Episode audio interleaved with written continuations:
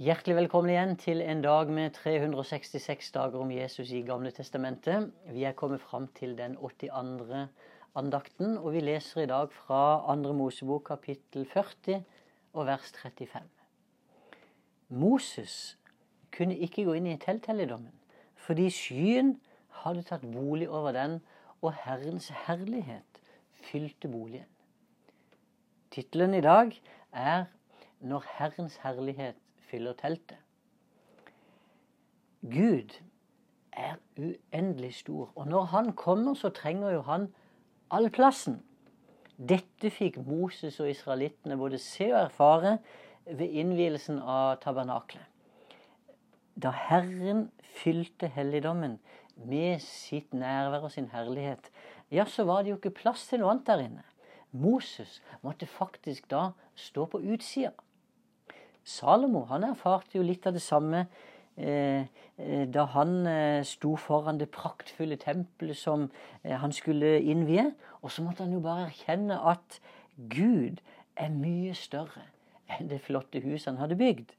Og med hendene løfta så bekjente jo han framfor folket Men Gud, men bor Gud virkelig på jorden? Se, himmelen og himlers himmel kan ikke romme deg, langt mindre dette huset som jeg har bygd. Gud er så stor at hele universet rommer han ikke. Han er større enn alt i denne verden. Likevel så tok han bolig både i tabernakel i ørkenen og han tok bolig i tempelet i Jerusalem. Det hebraiske ordet for eh, herlighet, det er kabod, og det betyr faktisk tyngde. Og Guds herlighet den ble senka som et tungt teppe over folket. Og det var så mektig at vi leser flere steder i Bibelen at de som erfarte det, ikke makta å stå på beina.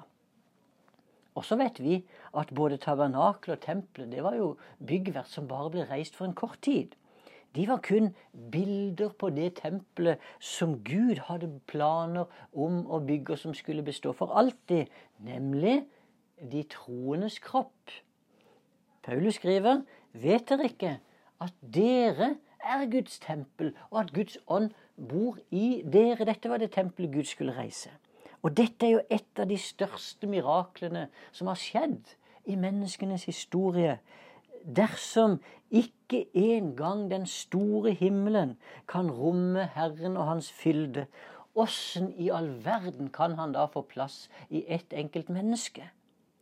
Ved troen på Jesus så skjer det et under. Jesus tar bolig i oss, og vi tar bolig i Han. Ja, vi smelter sammen til en enhet.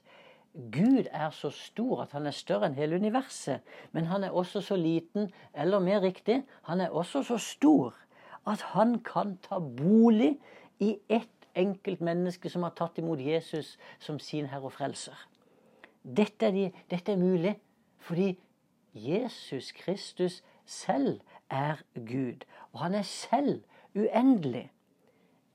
Den uendelige kan bare ta bolig i en som har mottatt den uendelige i livet sitt. Bare der er det plass til ham, og det skjer ved Jesus Kristus. Gud vil at vi skal få del i Hans herlighet. Men vi må søke Hans nærvær gjennom Hans tilgivelse og renselse før vi søker Hans herlighet. Vi må bli kjent med Gud før vi ber om å få se og erfare Hans herlighet. For vi må forstå at Gud er hellig og ikke tåler synd. Vi må godta at bare Jesu blod renser bort synden, og at det bare gjennom ham vi kan bli ført inn i Guds herlighet. Mange mennesker de lurer seg selv i dette i dag. De sier at ja, men Gud er kjærlighet, og det går nok bra til slutt uansett.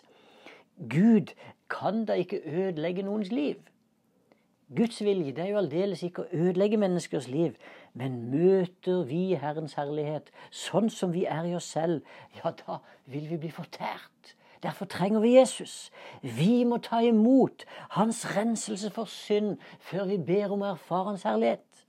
Ved det mennesket som møter Herrens herlighet utenfor Jesus Kristus, og som møter Hans herlighet som syndere. Det var jo det som Arons sønner Nadab og Abihu fikk erfare. De synda og trådte fram for Herren, og de døde. Og det samme skjedde med Ananias og Safira. De løy for Den hellige ånd, og de falt døde om. For når Herren åpenbarer sin herlighet, da må vi være klar til å møte Han som den han er. Vi må være rensa i Jesu blod, hvis ikke vil vi bli fortært og ødelagt. Herrens herlighet den åpenbarer seg nemlig som en fortærende ild. Og Derfor er det bare de som har blitt vant til å være i Herrens nærvær, som kan tåle det uten å bli ødelagt. Og vi må slippe det i oss som brenner opp. Dersom jeg klynger meg til det som tar fyr, så vil jo også jeg ta fyr. Det er som å holde to kanner bensin i hendene. Tar du fyr i dem, ja, så må du kaste dem fra deg, så ikke du eksploderer i flammene. Og bensinen i dette bildet, det er jo synden og det urene som henger seg fast i oss mennesker. Kvitt deg med synden og bli rensa i Jesu blod, sånn at ikke du blir fortært av Hans herlighet. Nærværet av Guds herlighet, det leder alltid til Guds frykt. Herrens herlighet, det kan nemlig være både det beste og det verste et menneske kan erfare. For spørsmålet er om du erfarer Hans herlighet i eller utenfor Jesus Kristus. Herre, vi takker for at du har åpenbart, at du skal åpenbare din herlighet for oss. Og takk, Herre, for at du også har gjort det sånn at det fins en måte for oss å tåle din herlighet på. Takk for at du har sendt din sønn Jesus Kristus. Og takk, Jesus, for at du som er den uendelige, du har tatt bolig i oss, sånn at også den uendelige Gud kan bo i oss. Fordi du er den levende og uendelige Gud. Og så ber vi Jesus om at eh, den gudsfrykten som du vil vi skal ha, den skal prege oss. Sånn at det skal bli vanskelig for oss å synde, at vi skal ta tak i det urene med en gang, og at vi skal leve i ditt rensende blod hver eneste dag.